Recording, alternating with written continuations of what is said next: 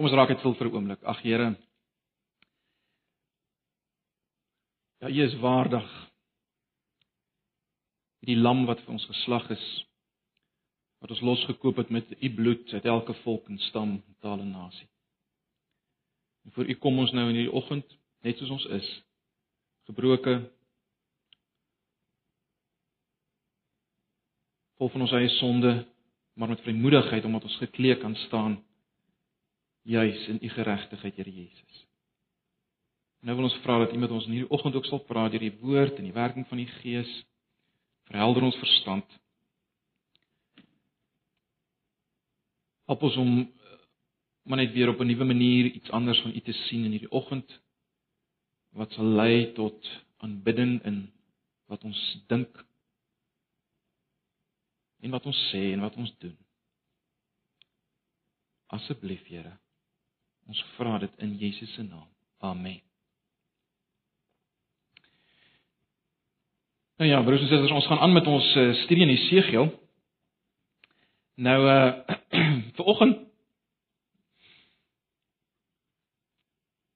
is die gedeelte wat ons gaan hanteer Jesegiel 26 tot Jesegiel 28. So julle kan dink ek kan regtig nie hierdie gedeelte uh, lees vir oggend nie. Ek wil egter julle moet regtig die Bybels byderhand hou Ek gaan wel heelwat verwys na die gedeelte. Ons gaan die hele gedeelte hanteer. Ehm uh, maar as ek dit nou die hele gedeelte gaan lees, dan gaan ons uh, gaan ons gewillig tyd opneem. Uh, ek dink dit gaan help as julle nou na die tyd uh, na die boodskap nou rustig deur Jesegiel 26 tot 28 gaan lees. Uh, dan gaan dit vir julle ook baie meer sin maak. Ek herinner maar net weer waarmee ons eintlik ten diepste besig is in hierdie studie is om te kyk wie is God? Soos ons sien uit Jesegiel. Ons wil 'n visie kry van God wat ons uiteindelik ehm uh, gaan verander in ons manier van denke oor God en uiteindelik ons manier van lewe.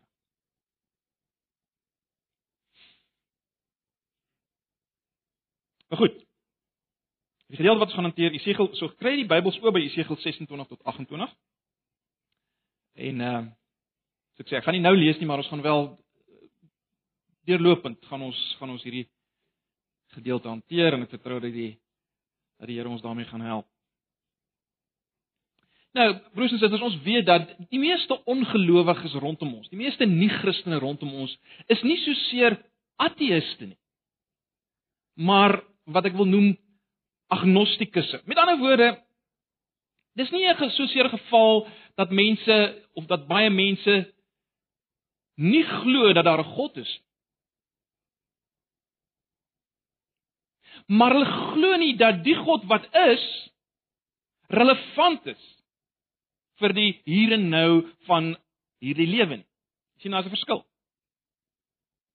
So hulle glo nie so seer dat daar nie 'n God is nie, maar hulle glo nie dat die God wat daar is relevant is vir die hier en nou van hierdie lewe nie.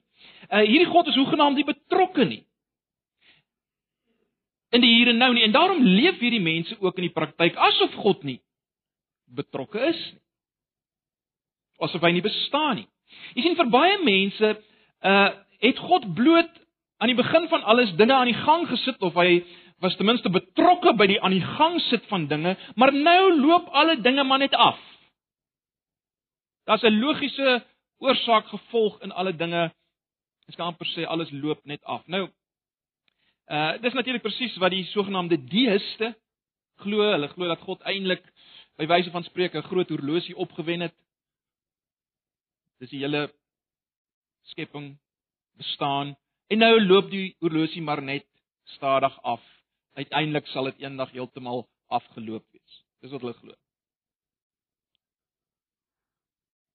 Nou ek weet die meeste van ons, ek vertrou nie een van ons, uh bevind ons vanoggend self in uh, bevind ons self in daardie kamp, die kamp van die agnostisisme of agnostikusse nie. Uh ek vertrou nie hier's 'n hier's 'n ateïs vanoggend nie, maar tog dink ek dat ook ons sukkel sukkel dikwels om oortuig te wees van die feit dat God betrokke is in die hier en nou, betrokke is in die geskiedenis, betrokke is in die historiese gebeure. En omdat ons dikwels sukkel om te glo, oortuig te wees dat God betrokke is in die historiese gebeure van elke dag, wel dit het natuurlik ook 'n invloed op hoe ons leef. Ons leef dikwels, selfs ons wat bely ons is kinders van die Here, leef dikwels asof God nie bestaan nie. So ons is, ons is dikwels in die praktyk eintlik agnosties. Kyk. Ons weet dat God werk met gelowiges. Of ons is ons wat hier sit is ten minste oortuig daarvan dat God werk met gelowiges. Maar maar 'n groot vraag wat ons het dikwels is, werk hy ook met ongelowiges? Werk God ook met ongelowiges? Is hy persoonlik betrokke ook by wat ongelowiges doen? Of het hy maar net ongelowiges ook aan die gang gesit?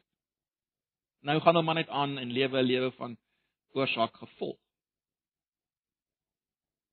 Het God 'n saak om dit so te stel met volke as volke, nasies as nasies, taalgroepe as taalgroepe, stede as stede, leiers as leiers? Het God 'n saak met hulle? Maak dit saak hoe hulle leef. Maak dit saak hoe hulle leef. Wat maak God gelukkig as dit kom by nasies? Wat maak hom ongelukkig as dit kom by nasies, volke, tale, leiers? Wat maak hom gelukkig? Wat maak hom ongelukkig? Broers en susters, dis 'n belangrike vraag. En dit is belangrik dat ons uh dat ons antwoorde hierop kry. Want jy sien, die antwoord op hierdie vraag help ons om reg te dink oor God. Meer nog, dit help ons om te weet wat in ons lewens Wat in ons lewens, wat in my lewe behaag God en behaag hom nie? So dis 'n belangrike vraag. En dit help ons natuurlik om as beelddraers van God ook reg te dink oor die nasies, oor die volke, oor die leiers rondom ons. Die nie-Christene rondom ons. Nou, ek dink hierdie vraag word in 'n mate vir ons beantwoord in die gedeelte wat volgend voor ons is, Esegiel 26 hoofstuk 26 tot 28. Uh so wat ek wil hê ons moet vanoggend doen, ek gaan ek gaan 'n kort oorsig gee oor oor dit wat ons hier kry. Of 'n oorsig gee van van dit wat ons hier kry. En dan wil ek hê ons moet net 'n paar afleidings maak oor oor wat ons dan in die lig hiervan sien oor God. Baie kortliks en dan gaan ons dit alles weer nader aan ons lyf bring. So 'n bietjie van 'n oorsig oor wat ons hier kry. Wat leer ons hier van God? En dan bring ons dit alles weer nader aan ons lyf. Ek wil net eers 'n paar inleidende opmerkings maak oor hierdie hele profesie teen Tyrus en Sidon wat ons kry in Hoofstuk 26 vers 1 tot 28 vers 24. Net 'n paar inleidende opmerkings. Nou, julle sal weet ons het tot nou toe gekyk na verskeie profesieë, uitsprake, beloftes, waarskuwings wat betrekking gehad het op Israel, God se volk. Tot dusver alles wat ons gedoen het het eintlik daarmee te maak gehad, né? Nee. Vanoggend kyk ons na profeseë wat kom na nasies buite Israel. Die die die profeseë teen nasies begin in hoofstuk 25.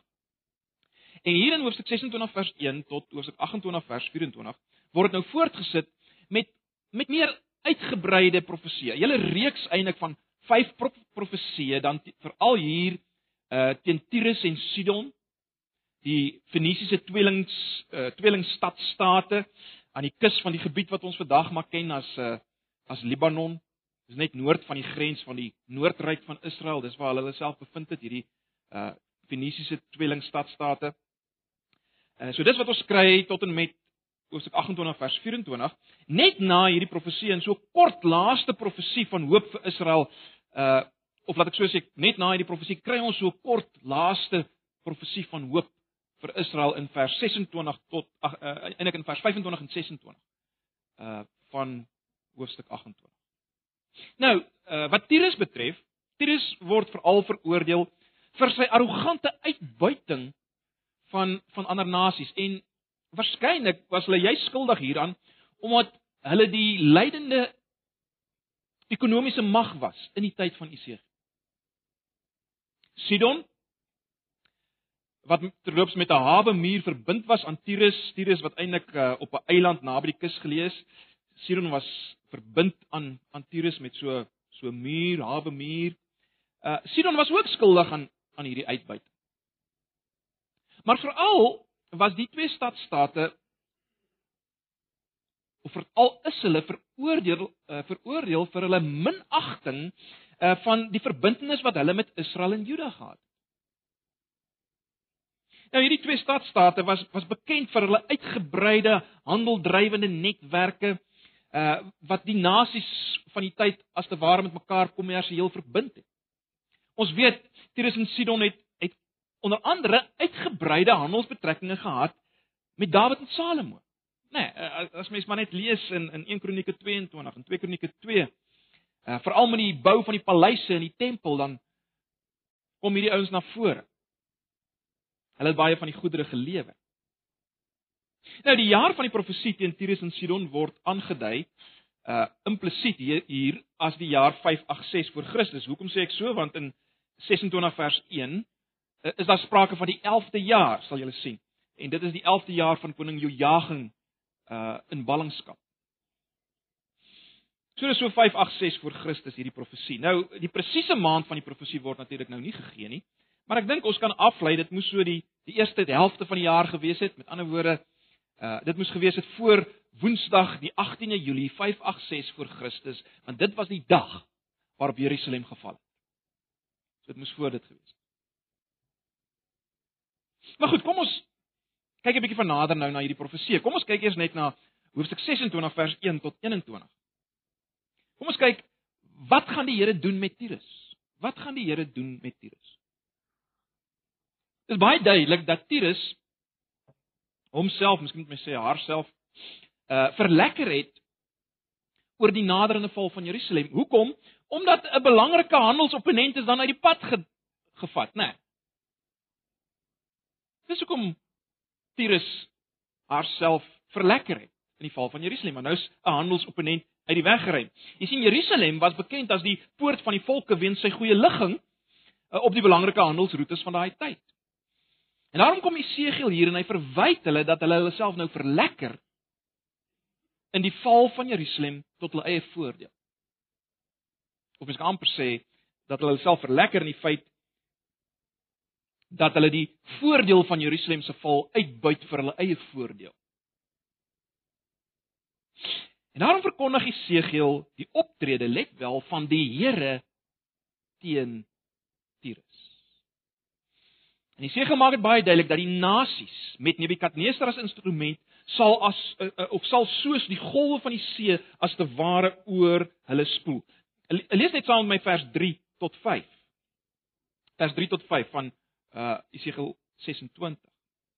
Daarom, so sê die Here my God, gaan ek nou teen jou optree, Tyrus, soos die golwe van die see, sodat ek baie nasies oor jou spoel.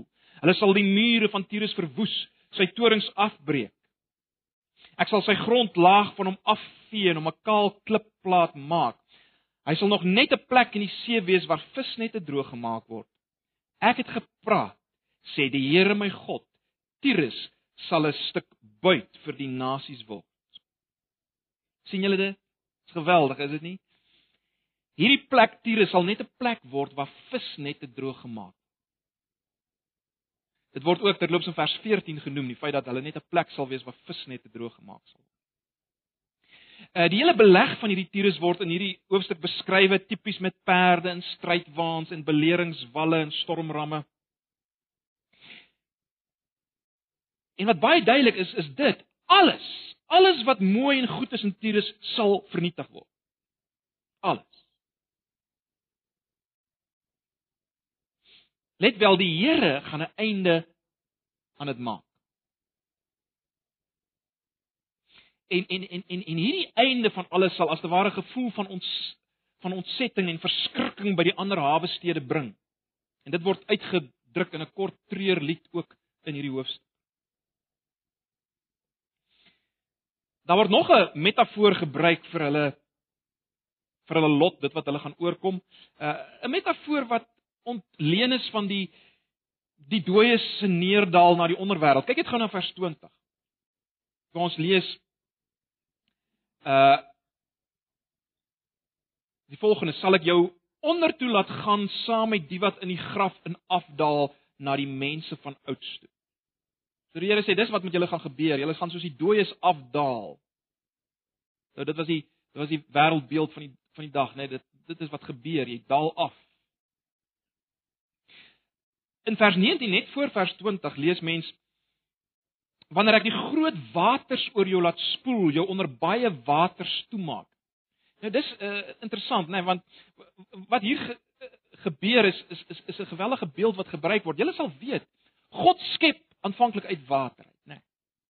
God skep uit water uit.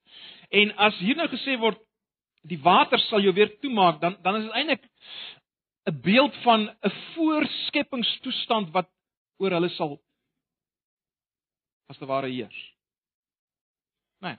Hulle sal weer wees soos soos voor daar enige iets geskep is, soos hulle soos hulle wees. Daar gaan niks meer wees. Dis dis die dis die beeld. En eksplisiet word in die laaste deel van vers 20 genoem. sien julle dit? Presies dit word bevestig in die heel laaste deel van vers 20. Jy sal nie terugkom nie. Dis klaar met jou. Jy sal nie terugkom nie. Dis klaar met jou. En dan in, in hoofstuk 27 vers 1 tot 36 sien ons hoe word Tyrus verpletter en Esegiel treur daaroor. Dit is baie interessant. Ons vind nou hier in hoofstuk 27 'n treurlied van Esegiel en in hierdie treurlied word Tyrus as 'n as 'n mooi handelsskip geskets. Jy kan miskien net kyk daarin uh, vanaf vers 4 dan sien mens uh, ekskuus vanaf vers 6 dan sien mens dit duidelik, né? Nee, hulle het jou roeispanne gemaak van groot bome uit Basan, jou dek van sipreshout uit die Ketiereilande en dit ingelê met ivoor. Vers 7, jou seile was van veelkleurige materiaal. So Tyrus word uitgebeeld as 'n as 'n mooi handelsskip. Maar let wel, 'n mooi handelsskip wat ten spyte van al sy pragt en praal verpletter sal word op die diep see. Kyk na vers 27 van hoofstuk 27. Vers 27 van hoofstuk 27. Jou rykdom, jou handelsware, jou goedere, jou seemanne, jou matrose, die manne wat jou lêplekke moes toestop, die wat met jou goedere handel moes dryf en al jou soldate, die hele menigte in jou het in die diepsee afgestort die dag toe jy vergaan. En nou dis Isegiel wat as te ware 'n treurlied sing daaroor oor hierdie verplettering van Tyrus. Met ander woorde, mens kan amper sê haar rykdom het te swaar geword vir die vir die skip op die see. Nou is interessant in hierdie uitbeelding van Tyrus se invloed en mag uh, word die rykdom van 'n hele aantal handelitems, goedere sowel as mense word genoem uh, wat afkomstig was uit die lande met wie hulle handel gedryf het. En en as mens nou daarna kyk, uh, ag julle kan maar self nou die hoofstuk gaan lees. Uh as mens daarna kyk, beskryf dit 'n absolute uitgebreide en omvattende prentjie van 'n netwerk van handelbedrywighede, né? Maar die punt is, dit alles kom tot 'n stilstand let wel weens 'n ingrype van die Here. Baie belangrik. Kyk, hulle het ryk geword en baie mag gekry. Hulle is bewonder oor die hele wêreld, veral deur die regerders van die wêreld. Maar ons weet hoogmoed kom voor 'n val en hulle val was groot. Hulle oorvloedige voorspoed het ironies genoeg hulle verstommende val veroorsaak. Maar let wel, dit is nie net 'n kwessie van oorsaak gevolg.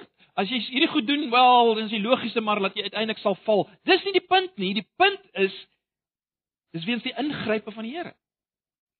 Dis weens die ingrype van die Here. Broers en susters, niemand kon met Tyrus se rykdom vergelyk word nie. Maar tog het hulle tot 'n val gekom. En hulle val was so in so mate was so erg geweest dat dit 'n verskrikking vir die nasies was, né? Nee. Kyk na vers 36. Vers 36 van Hoofstuk 27. Die handelaars onder die volke fluit van verbasing oor wat met jou gebeur het. Jy het 'n afskrikmiddel verander geword. Dit is vir altyd klaar met jou.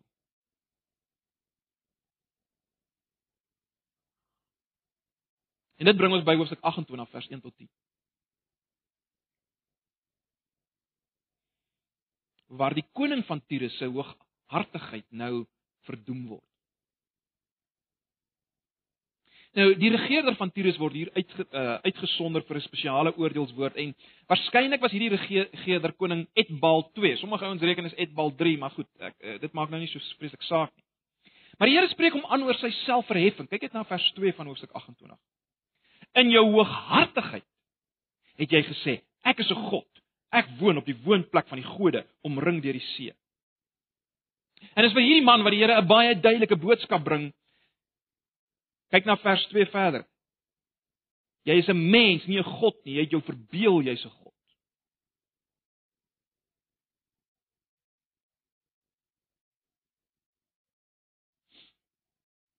Daar word verwys na Edbal se wysheid en en en terloops hy was regtig wys. Hy was regtig wys. Dis nie maar net 'n valse aanspraak nie.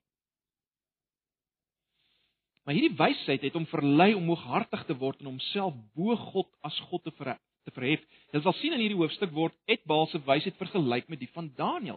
Met ander woorde, Jesegiel wys dus dat Wel, Edbal jy het werklike wysheid gehad. Maar dit het jou kop as te ware te groot vir jou lyf gemaak. Jy het jou soos 'n dwaas teen God verset. En daarom, let wel, bring die Here wrede nasies om teen hom en sy mense op te trek en hulle te vernietig. Daar's 'n stuk uh, goddelike ironie in vers 9 van hoofstuk 28. Vir die wat vir jou dood gaan sorg, sal jy 'n mens wees, nie 'n God nie. Is dit nie ironies nie? Vir die wat vir jou dood gaan sorg, sal jy 'n mens wees, nie 'n God nie. Jy sien sy dood sal bewys dat hy nie God. Dat dit net 'n verbeeldingsvlug was. En dan kom ons by hoofstuk 28 vers 11 tot 19 waar Esegiel weer treur oor hierdie koning se geweldige handelsbedrywighede wat tot sy val gelei het.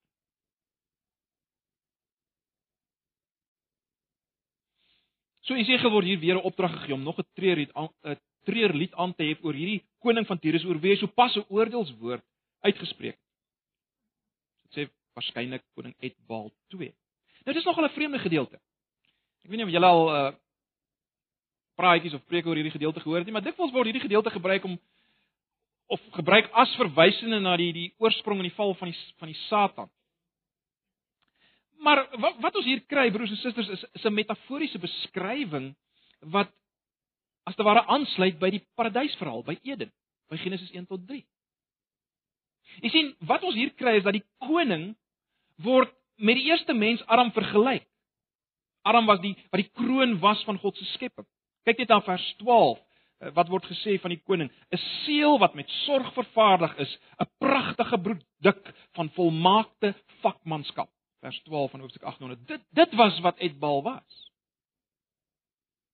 En reg deur hierdie treurlied eh, word die beskrywing van hierdie koning se geskape heerlikheid met sy handelsbedrywighede verbind, wat uiteindelik tot sy val lei. Let wel wat weer metafories uitgebeeld word met die uitskop uit die tuin van Eden of dit word vergelyk met die uitskop uit die tuin van Eden. Dis wat ons kry in vers 15 en 16 van Hosea 28. Ek wil net 'n opmerking maak. Dit is tog belangrik om te weet dat vers 13 en 14 en ook vers 16 uh waar die nuwe vertaling praat van die gode tuin en die gode berg. Uh, ons kry nie dit in die Hebreëus nie. In Hebreëus kry ons tuin van God. Dit wil sê die tuin van Eden en ons kry die heilige berg van God. En terloops die heilige berg van God was maar net weer 'n manier om te praat van Eden. En en ek so dit skry ons byvoorbeeld die verskynsel dat die heilige berg van God eintlik verwys na die tuin van Eden. Hoekom? Want berge is gesien as die plek waar God bly, die woonplek van God. So so dis belangrik. En dan wil ek net verwys na vers 14. Uh van Hoofstuk 28. Nou die 83 vertaling lees so: Jy is 'n uitge jy is uitgebeeld as die gerub wat met uitgestrekte vlerke moes waghou. Nou, mens sou die Hebreëus ook so kon vertaal. Ek het jou daar geplaas met 'n gesalfde of gevleelde gerub wat jou bewaak. En en op soortgelyke wyse kan vers 16 uh wat ook verwys na die gerub na die gerub uh weer eens in ons vertaling kry ons aan die einde van vers 16 ek het jou gerub wat moes waghou tussen die glinsterende uh, glinsterende edelstene uit verwyder. Uh mens sou dit weer eens kan vertaal met en die bewaarder gerib het jou verban. Jy sien so, dis moontlik om dit totaal anders te vertaal. Hoekom noem ek dit? Hoekom noem noem ek dit? Wel, maar net om te wys dat die die konnotasie in vers 13 en 14 is nie so seer met 'n hemelse wese nie, maar met 'n aardse mens. Die konnotasie is met Adam. Kom ek stel dit so. Al sou jy uh al sou jy vers 14 hou soos dit is in ons vertaling en jy vertaal dit met jy is uitgebeeld as die gerub wat met uitgestrekte vlerke moes waghou. Al sou jy dit so vertaal, gaan dit nie hier in die eerste plek broers en susters uh oor 'n hemelse wese nie. Uh, met ander woorde, dit is dit is nie in die eerste plek gemik op 'n simboliese beskrywing van die Satan. Ek ek, ek moet dit maar net noem. Want dis soos baie ouens dit uitlê. Maar dit gaan nie dit gaan nie daaroor nie. Dit dui in die eerste plek op die vername posisie wat God vir hierdie koning gegee het. En en wat dit uiteindelik of waartoe dit uiteindelik gelei het tot wat dit wat die gevolg was daarvan. Van hierdie posisie let wel wat God vir hom gegee het. En die punt is kyk waarna toe dit gelei, net soos die posisie wat Adam gegee het ons weet waarna toe dit gelei het, né? Nee, dit dis dis die punt in hierdie gedeelte. So so enige verdere interpretasie in die betekenis van die teks uh, dis iets wat hou indra van buite af. Dis nie regtig waaroor dit hier gaan nie. Ook in hierdie gedeelte sal julle sien daar's 'n beskrywing van die edelstene wat wat Etbal 2 omring. En weer eens dit dui op die heerlikheid wat God vir hom gegee het. Net soos die heerlikheid wat 'n hoëpriester gehad het. En die geweldige is dit, sy selfverheffing daaroor sy selfverheffing oor dit wat God vir hom gegee het, let wel, God het dit vir hom gegee, sy selfverheffing daaroor lei tot sy ondergang. Dit is sy val veroorsaak. En God verstoot hom van sy posisie af. En daar's 'n paar dinge wat eksplisiet uitgelig word as dinge wat wat hom as te ware uit God se guns laat val het. Dinge soos sy gierige geweld sy gierige geweld vers 16. Dinge soos sy selfverheffing, sy hooghartigheid. Dinge soos sy dwaasheid vers 17. En dinge soos sy ontheiliging van dit wat geestelik en godsdienstig en heilig was vers 18. Broers en susters, dis dis geweldig as mens kyk na die gedeelte, né? Uh die Here laat hierdie een wat met edelstene bekleed was, Hy laat uiteindelik volgens vers 18 net 'n hoopie as van hom oorbly. Hy laat net 'n hoopie as van hom oorbly in vers 18. Dis geweldig.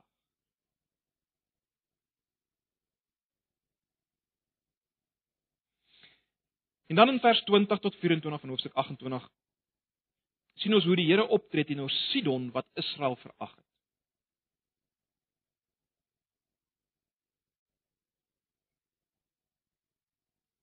Kyk net na vers 24. Dan sal daar nie meer onder die buurvolke van wie Israel soveel minagting verduur, 'n doring wees wat hom bly steek, 'n pendoring wat hom bly pynig nie. Israel sal besef dat ek die Here God is. Jy sien hulle minagting, Sidon se minagting van Israel was soos 'n pendoring wat bly steek. En die Here sê hy gaan 'n einde daaraan maak. Nou broers en susters, uit die geskiedenis weet ons dat die oordeel is voltrek net hierna. Dit het gebeur, hoor. Nebukadneser het inderdaad hierdie twee stede beleer direk na die val van Jerusalem en vir 13 jaar van 585 tot 572 voor Christus uh is hierdie hierdie stede beleer. So mense kan sê die profesie het het het binne 'n jaar na Esegiel dit gelewer het, het dit begin in vervulling gegaan en uh Natuurlik is hulle is hulle nie volledig toe vernietig nie, maar uiteindelik het dit gebeur onder Alexander die Grote. Onder Alexander die Grote met die opkoms van die Griekse wêreldryk is hulle finaal plat gevee, hoor. Ek sal nou nou weer 'n opmerking daaroor maak. So dis die profesie teen die nasies. Dan net heel laaste in in in die, in die laaste verse van hoofstuk 28 is daar 'n kort boodskap van hoop vir Israel. Nou ons fokus nie volgens daarop nie, né? Maar maar ek wil net hê ons moet tog raak sien dat dat alles wat gebeur het en alles wat gebeur met hierdie nasies staan steeds nie los van God se volk. Jy sien God is te midde van sy werk met die nasies ook aan die werk met sy volk en ons moet dit net raak sien. Te midde met te, te midde van sy werk met die nasies is hy ook te, te is hy besig om te werk met sy volk en hy's op pad met hulle na 'n plek van hoop. Dit dis al wat ek wil hê ons moet raak sien. Maar goed, wat sien ons van God met ander woorde in hierdie gedeelte? En julle moet maar self verder hieroor gaan dink, broers en susters. Ek gaan net 'n paar goed uitlig wat eintlik duidelik is. En die eerste ding wat ons moet sien van God in hierdie gedeelte is dit. God weet wat die nasies en hulle heersers doen. is miskien oorbodig om dit te sê, maar dit is miskien goed dat ons dit hoor. God weet wat die nasies en hulle heersers doen. Let wel, nog meer as dit, God weet wat gaan in die harte aan van leiers. Toe julle wat sê hy vir die koning van Tyrus, jy het in jou hart gesê. So God weet wat sê leiers, wêreldleiers in hulle harte. God weet wat sê wêreldleiers in hulle harte. God weet dit. 'n Volgende ding wat ons moet raak sien is dit God stel belang God stel belang in wat die nasies doen. God stel belang in die besonderhede daarvan. Uh, dit is opvallend in hierdie gedeeltes, nê, nee, geweldige detail besonderhede, presies met wie het hulle handel gedryf en watter watter middele het hulle van watter lande gekry. Ons het nou nie tyd gehad om daarop uit te brei nie, maar jy moet raak sien hierdie besonderhede. Jy sien God stel belang daarin, in die besonderhede daarvan. So dit maak vir hom saak ook of 'n leier met wysheid optree of met dwaasheid optree. Dit maak vir hom saak. Ons moet dit raak sien in hierdie gedeelte.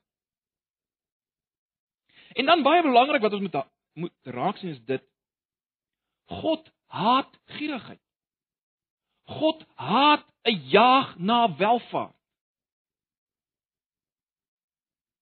Dis baie duidelik, is dit nie? Verdermeer, God haat uitbuiting. Hy haat dit. Hy haat dit as een volk 'n ander uitbuit. As een leier 'n ander nasie uitbuit. Hoe jy dit ook al wil stel. Baie duidelik ook hier, God haat hoogmoed en selfverheffing. Hoekom? Want dit plaas jou as mens in die plek van God. Die oomblik as 'n mens aan homself dinge begin toeëien wat net by God hoort, God haat dit. Want daar's net een God. Dis baie duidelik hier. Verder is baie duidelik God duld nie dat daar met sy mense gemors word. Dit is fascinerend in hierdie gedeelte. Ek meen dis God wat die oordeel bring oor Jerusalem, né? Nee. Moenie fout maak. Ons het dit gesien. Maar God veroordeel die ouens wat Jerusalem gaan kwaad aandoen en wat hulle wat hulle bespot en so meer. God oordeel hulle ook. Want jy sien God is in sy oordeele besig met sy mense. So hy duld nie daar met sy mense gemors word nie, selfs sy mense wat onder sy oordeel is. Ons moet dit raak sien.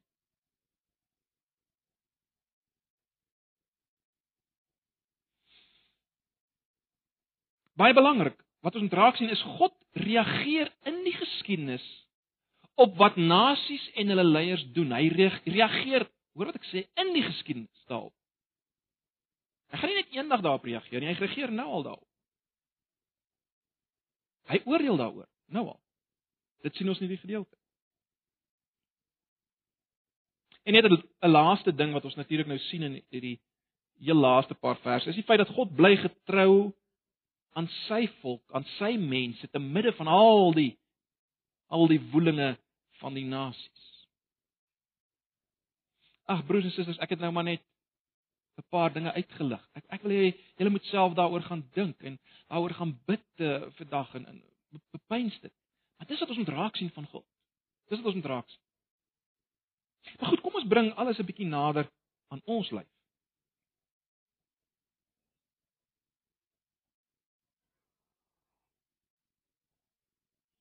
En ek wil maar weer Romeine 15 vers 4. Ek weet julle is seker nou al moeg vir Romeine 15 vers 4, maar dit is tog vir my belangrik dis weer eens ons vertrekpunt waar Paulus sê alles wat vooraf in die skrif opgeteken is, is tog opgeteken om ons te leer sodat ons deur die standvastigheid en bemoediging wat die skrif ons gee, vol hoop kan wees. En daarom ook hierdie gedeelte. Daarom ook hierdie gedeelte. So broers en susters, ons moet kennis neem van dit wat hier gebeur. Ons moet kennis neem van dit wat ons hier sien, is dit nie? Baie belangrik, in eerste plek, ons moet ver oggend weet God se profesie in Jesegiel 26 tot 28 het waar geword. Uh, dis dis tog so belangrik. Ek ek dink ons kan soms vergeet. Ons dink dis soort van hierdie is soort van goed in 'n in 'n in 'n storieboek, jy weet. Dit word daar gesê, maar daar's nie 'n eintlike korrelasie tussen die werklike geskiedenis en dit wat daar in die Bybel gesê word nie. Daar is 'n korrelasie. Hierdie goed het werklik fisies waar geword. Ek het daarna verwys. God het histories opgetree teen Tyrus en Sidon. Eers deur Nebukadneser en sy beleg en uiteindelik is hulle verpletter vernietig deur Alexander die Grote en baie belangrik en geweldig interessant vanaf daardie punt in die geskiedenis tot nou word die kus van Tyrus gebruik deur plaaslike vissermanne om hulle net reg te maak. Dis 'n feit. Daar's niks nie. Dat nooit vir iets tot stand gekom nie. God het gesê die stad sal nooit weer herbou word nie en dit is nooit weer herbou nie. Dis volgens die inligting wat ek het, wat ek probeer nagaan. As ek verkeerd is, moet julle my help dan. Blykbaar is daar selfs 'n wonderlike vars fontein uh, in hierdie gebied, die sogenaamde Rose Lane Water Springs, en selfs ten midde van daai wonderlike fontein vars water wat daar is, gebeur daar niks nie, daar word niks gebou weer nie. Dis wat hy ons sê. So God het geoordeel. Dit is waar geword. En en nou moet ons natuurlik vir onsself vra, maar goed, maar wat nou van ons tyd? Oordeel God nog?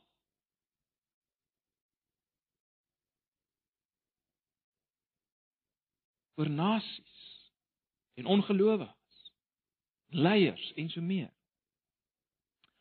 Voel God nog so oor hoogmoed? Vir mense wat hulle self verhef bo God. Voel God nog so?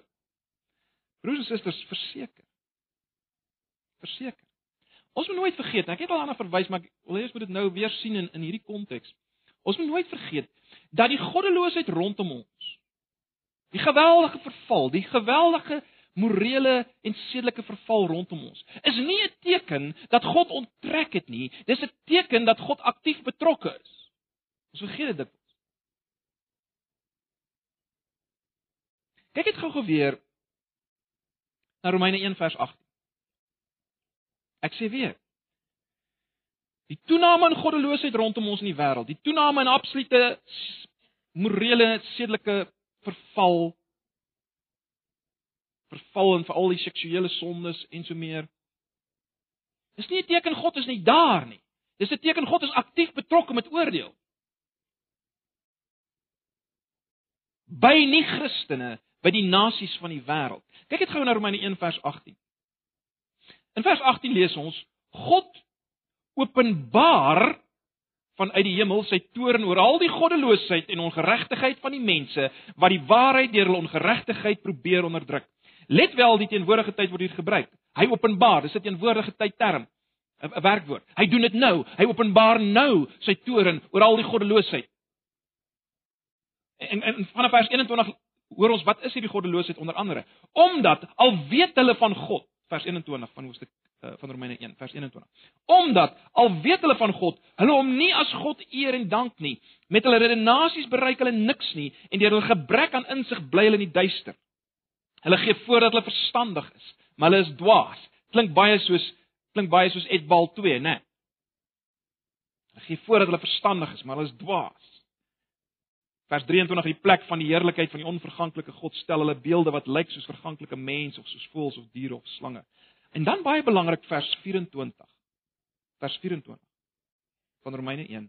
Daarom gee God hulle aan die drange van hulle hart oor en aan sedelike onreinheid sodat hulle hulle liggame onder mekaar onteer. En dan so gaan die hele gedeelte aan. So wat sien ons? In vers 18, God openbaar vanuit die hemel sy toorn. So hy's nou besig, hy's nou besig om sy oordeel uit te spreek oor die wêreld. Nou, hy openbaar dit teenwoordige tyd. Hoe openbaar hy dit? Hoe word dit duidelik dat hy sy toorn uitspreek? Hy gee mense oor aan hulle sondige, wellustige drange. Hy gee hulle oor, aktief, hy doen dit. So wat ons rondom ons sien broers en susters, is nie 'n feit dat, "Ooh, God is nie daar nie." Wonderbaar. Nee, God is juis daar. Dis God wat hulle oorgee en dit is sy toren nou al. Dis nou al sy oordeel. Elke mens wat oorgegee is aan sy wellustige drange. Dis God se aktiewe oordeel oor hom nou. Dit geld vir groepe, mense, nasies, lande, volk, leiers.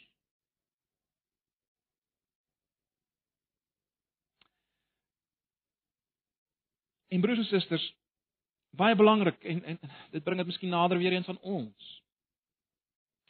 God haat steeds dit wat hy gehaat het in Tyrus en Sidon. Baie interessant, dit waarmee Tyrus en Sidon besig was ten diepste wat beskryf word in Jesegiel 26 tot 28. Dit wat ons daar vind word in die Nuwe Testament beskryf met die term liefde vir die wêreld. Luister net bietjie weer na 1 Johannes 2 vers 15 tot 17. Ek weet julle ken dit, maar luister dit nou, luister nou daarna met met 'n ander oor. 1 Johannes 2 vers 15 tot 17. Ek lees maar die 83 vertaling. Moenie die sondige wêreld en die dinge van die wêreld lief hê nie. As iemand die wêreld liefhet, is die Vader se liefde nie in hom nie. Die wêreldse dinge, alles wat die sondige mens begeer, alles wat sy oë sien en begeer, al sy gesteldheid op besit, daai gesindheid van ek wil hê en ek het, kom nie van die Vader nie, maar uit die wêreld. En die wêreld met sy verleidelike dinge gaan verby. Maar wie die wil van God doen, bly vir ewig. Die wêreld gaan verby. Maar wie die wil van God doen, bly vir ewig. En dit is baie interessant en ag, ons het hieroor ook al gepraat, ons kan nie nou daaroor uitbrei nie. Maar dit is baie interessant ons weet dat hierdie wêreldgesindheid waarvan Johannes praat in 1 Johannes 2 hierdie wêreldgesindheid word deur dieselfde Johannes in Openbaring beskryf as 'n stad. Baie interessant, weer eens as 'n stad. Hierdie selfde gesindheid word as 'n stad beskryf en die naam vir die stad is Babylon. Babylon. En hierdie stad word in die see gewerk. Hierdie stad, baie interessant, word in die see gewerk, net soos Tyrus en Sidon word Babylon in die see gewerp. En ag, julle kan dit maar self doen. Doen dit vanmiddag. Dis fascinerend as jy nou Openbaring 18 gaan vat. En jy lees Openbaring 18 saam met Jesegiel 26 tot 28. Baie interessant, die soortgelyke beelde word gebruik vir die stad Babylon as wat gebruik word vir dit wat daar was in Tyrus waaroor Esegiel treur en so meer. So is baie duidelik, broers en susters. En dis wat ons moet hoor, dis baie duidelik. God gaan weer net so seker soos hy geoordeel het oor Tyrus en Sidon. gaan hy weer oordeel. Hy oordeel nou reeds Ons het nou daarna gekyk, maar daar gaan ook 'n uiteindelike oordeel wees oor wêreldsgesindheid. Hy gaan dit uiteindelik veroordeel. En daarom hierdie gedeelte moet ons laat wegvlug broers en susters van wêreldsgesindheid. Van 'n lewensuitkyk wat elke dag in ons keelgatte ingedruk word van buite af van Verryk jouself. Kry meer. Bevredig jou liste. Alles wat jy sien, moet jy kry.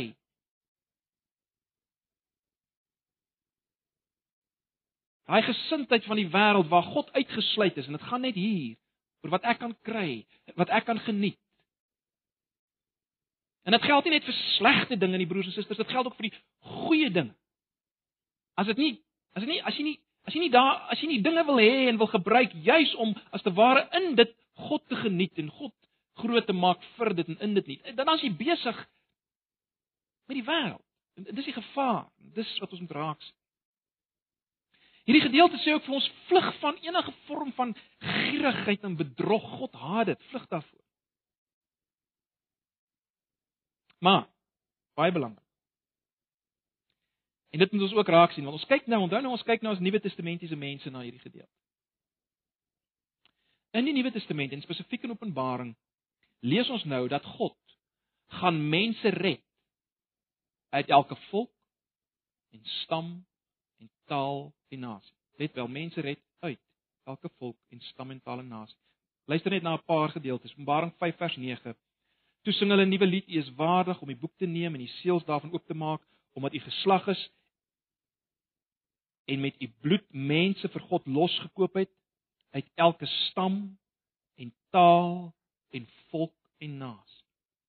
Openbaring 7 vers 9 Hierna het 'n groot menigte het ek 'n groot menigte gesien wat niemand kon tel nie. Hulle was van elke nasie, stam, volk en taal en het voor die troon en voor die lam gestaan. Hulle het wit klere aangetree en daar was palmtakke in hulle hande.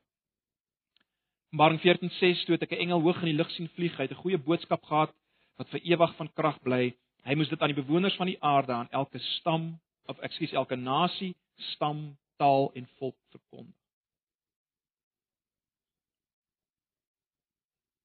Maar hoe is dit moontlik? Wat het verander? Hoekom red God nou mense uit elke stam en taal en volk en nasie? Dit wil sê mense buite die volk Israel. Hoekom doen hy dit nou? Wat het gebeur? Wil ons weet dit, né? Nee. Jesus het gebeur. Maar wat dink ons daaroor? Dink dink ons presies wat het eintlik gebeur? Dink bietjie mooi daaroor, broers en susters. Dink mooi daaroor. Hy wat God was, het mens geword. Hoekom? Sodat hy mense wat wil God wees kon red. Sê dit weer. Hy wat God was, moes mens word sodat hy mense wat God wil wees kon red. Mense wat dink en redeneer soos Edbal 2. Mense rondom ons wat self wil God wees. God, die werklike God word mens. Hy gee homself prys juis om hulle te red. Sodat hulle gered kon word. Met ander woorde, hy hy self het die oordeel van hoogverraad. Want dis wat dit is. Mense wat self wil God wees, is besig met hoogverraad want jy's gemaak vir God. En as jy self wil God wees, dan is jy besig met hoogverraad. Maar Jesus kom en hy neem die straf van hoogverraad op hom sodat hierdie mense gered kan word uit elke volk en stam en taal en nasie. Maar onthou ook, dit wat ons nou 'n paar sonna gelede gesien het, ons oor die oor Matteus gepraat het uh, in die, by die doopdiens. Jesus verteenwoordig spesifiek Israel, né? Nee, dis die hele punt in Matteus se evangelie. Jesus neem die rol oor van Israel. Hy leef die lewe wat Israel nie kan leef nie en die oordeel wat Israel moes tref, tref Jesus as die verteenwoordiger van Israel. Is dit nie geweldig nie? God oordeel Israel, hoor. Maar hy oordeel Israel in Israel se verteenwoordiger Jesus.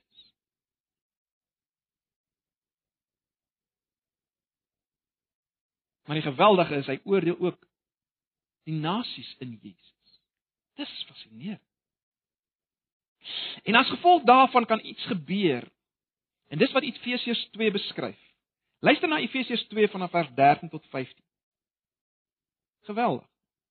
Maar nou Paulus skryf vir die ouens in Efese. Ouens wat deel was van die nasies. Dis nie Jode gewees nie. Hy skryf vir hulle Efesiërs 2 vers 13. Maar nou is julle een met Christus Jesus. Julle wat vroeër ver van God gelewe het, het nou naby gekom deur die bloed van Christus. Christus is ons vrede en dan baie belangrik. Hy wat die twee, let wel, Jode en nie Jode, een gemaak het. Deur sy liggaam te gee, het hy die vyandskap afgebreek wat vroeër soos 'n muur skeiding gemaak het. Die wet van Moses met al sy gebooie en bepalinge het hy opgehef en deur vrede te maak, het hy in homself die twee Jode en nie Jode. Dan oor die Jode en al die heidene nasies tot een nuwe mensheid verenig. Broers en susters, dis deel van wat gebeur het op Golgotha. Dat iets geweldig gebeur. Daar's nou nie meer twee groepe, die Jode en die nasies.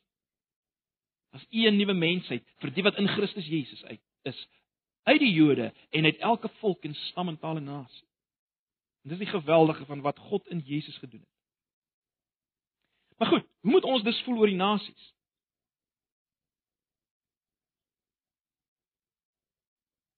Wel in die eerste plek moet ons treur oor die nasies soos Esegiel, maar baie meer. Ons moet treur oor nasies buite God, buite Jesus. Ons moet treur oor hulle. Ons moet bekommerd wees. Ons moet belangstel. Maar die belangrikste van alles, ons moet die goeie nuus, die evangelie van dit wat God in Jesus gedoen het, moet ons bring vir die nasies. Vir die wat onder God se oordeel staan. Moet ons sê hy het iets gedoen. In Jesus, vlug na hom, vlug na hom, vlug na hom. Dis baie belangrik. Watter vertroosting is daar in hierdie gedeelte vir ons? Wel, ek dink daar's baie vertroosting, is daar nie? In eerste plek want ons weet God weet presies wat aangaan en hy weet ook presies wat aangaan met sy kinders en hoe sy kinders swaar kry onder die nasies as ek dit nou so kan stel en die leiers van die dag en so meer. Hy weet dit. Uh dink net weer aan Paulus. Ek het al baie daarna verwys. Dit is baie interessant. Paulus vooruit tot bekering gekom het. As Saulus vervolg hy die gemeente van God. Hy sweep hulle tronk toe. En dan verskyn die, die opgestane Jesus verskyn op die Damaskuspad aan Paulus en dan sê hy vir Paulus: "Saul, Saul, waarom vervolg jy my?" Nie waarom vervolg jy die gemeente en die Christene nie? Waarom vervolg jy my? Jy sien, as jy die Christene vervolg, vervolg jy my, want dis my liggaam. Hulle is een met my. Ek is een met hulle. En daarom kan ons weet vanoggend broers en susters, God is een met sy mense. Dit is 'n vertroosting, is dit? Dis 'n vertroosting. Ons moet dit hoor. Verder meer kan ons weet God sal regverdiglik oordeel oor alles wat sy kinders tref via die nasies. As ek dit so kan noem. En dan het sê ook vir ons broers en susters dat ons nie moet moedeloos word. Ons moet nie moedeloos word oor landsgebeure en wêreldgebeure gebeure en leiers nie. Ons moet weet God het nie onttrek nie. Al, al lyk dit so, al beleef ons dit so. Dit is nie so nie. God het nie onttrek nie. En hy hy is besig in en deur dit alles om 'n sekere einddoel te bereik en luister mooi, ons is deel daarvan. Ons sien iets daarvan hier in in laaste vers van hoofstuk 28, né? Nee. Nou natuurlik, daar word weer in ou verbondstaal gepraat oor hierdie realiteite, né? Nee, die die feit dat hulle weer in 'n land sal wees en so aan. Maar God se pad met ons na die finale land. En ons pad na die finale land, na die finale wees waar God ons wil hê, saam met hom. Ons pad soontoe loop via as ek dit so kan stel, die wêreldgebeure in die nasies en die leiers en wat hulle doen. God skakel dit in en hy deurkruis dit, maar hy's op pad na 'n punt toe met ons, soos hy was met met die volk. Daar moet ons vas. Daar moet ons vas. Ag broers en susters, ons dien 'n God wat bo die nasies is. Ons dien 'n God wat betrokke is in die geskiedenis en die afloop van die geskiedenis. Ek gaan afsluit en ek wil hê julle moet luister na na Openbaring 5. Geweldige hoofstuk. Openbaring 5. In die regterhand van hom wat op die troon sit, het ek 'n boekrol gesien wat aan die voor en aan die agterkant vol geskrywe was en met sewe seels goed verseël was. Toe het ek 'n sterk engel gesien wat met 'n harde stem uitroep: "Wie is waardig om die boek te neem deur die seels daarvan te breek?" Nou, net so sonder om te veel in te gaan daarop. As mens Openbaring gaan lees, sien mens hierdie seels is niks anders as die ontvouing van die wêreldgeskiedenis, nie al die gebeure, al die rampe, al die ellendes en alles wat gebeur, dis die seels. En nou sien Johannes hierdie prentjie van van van 'n uitroep, wie kan hierdie wie kan hierdie seels oopbreek? Met ander woorde, wie kan die geskiedenis laat plaasvind? Moet eenvoudig gestel. Vers 3.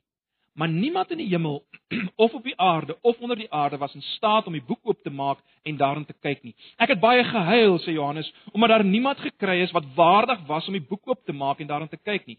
Toe sê een van die ouderlinge vir my: Moenie huil nie. Kyk, Die leeu uit die stam van Juda, die afstammeling van Dawid, het die oorwinning behaal en kan die boek met die sewe seels oopmaak. Toe ek voor die troon wat omring was deur die vier lewende wesens tussen die troon en die ouderling 'n lam sien staan, die een wat geslag was. Hy het sewe horings en sewe oë gehad. Die sewe oë is die sewe geeste van God wat oor die hele aarde uitgestuur is. Hy het toe gegaan en die boek ontvang uit die regterhand van hom wat op die troon sit. Net toe die lam die boek neem, het die vier lewende wesens en die 24 ouderlinge voor hom gekniel, elkeen van hulle het 'n siter gehad en 'n goue bak vol wierook, die gebede van die gelowiges. Toe sing sing hulle 'n nuwe lied. U is waardig om die boek te neem en die seels daarvan oop te maak. Met ander woorde, u is waardig om die geskiedenis te laat ontvou waarby die gebede van die gelowiges let wel ingeskakel is, né? Nee. U is waardig om die boek te neem en die seels daarvan oop te maak omdat u geslag is en met u bloed mense vir God losgekoop het uit elke stam en taal en volk en nasie. U het hulle 'n koninkryk en priesters vir ons God gemaak en hulle sal, hulle sal oor die aarde regeer. Toe het ek rondom die troon en die lewende wesens en al die ouderlinge 'n groot menigte engele gesien. Daar was duisende, ter duisende, ja miljoene, der miljoene. Ek het hulle hard hoor uitroep: "Die lam wat geslag was, is waardig om die mag en rykdom, die wysheid en sterkte, die eer, heerlikheid en lof te ontvang." Die hele skepping. Alles in die hemel en op die aarde en onder die aarde en op die see. Ja, alles wat daar is, het ek hoor sê aan hom wat op die troon sit en aan die lam behoort die lof en die eer, die heerlikheid en die krag tot in alle ewigheid. Vier lewende wesens het gesê amen. En die ouderlinge het gekniel en God aanbid. Amen. Ons bid saam. Here baie dankie vir u woord.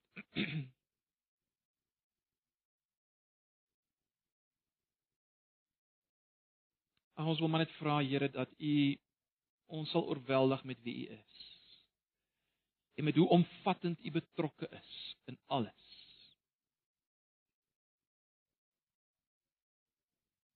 Here, u weet hoe ons sukkel.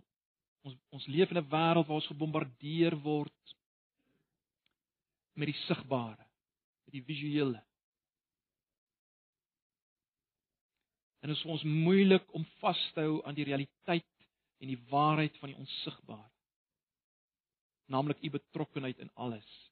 U u weet, u ken ons stryd, u ken my stryd. Nag Here, daarom wil ek bid dat u iets sal doen deur die Gees, dat u vir ons deur u woord en deur die werking van u Gees oë sal gee om te sien, om u te sien in alles. Asseblief.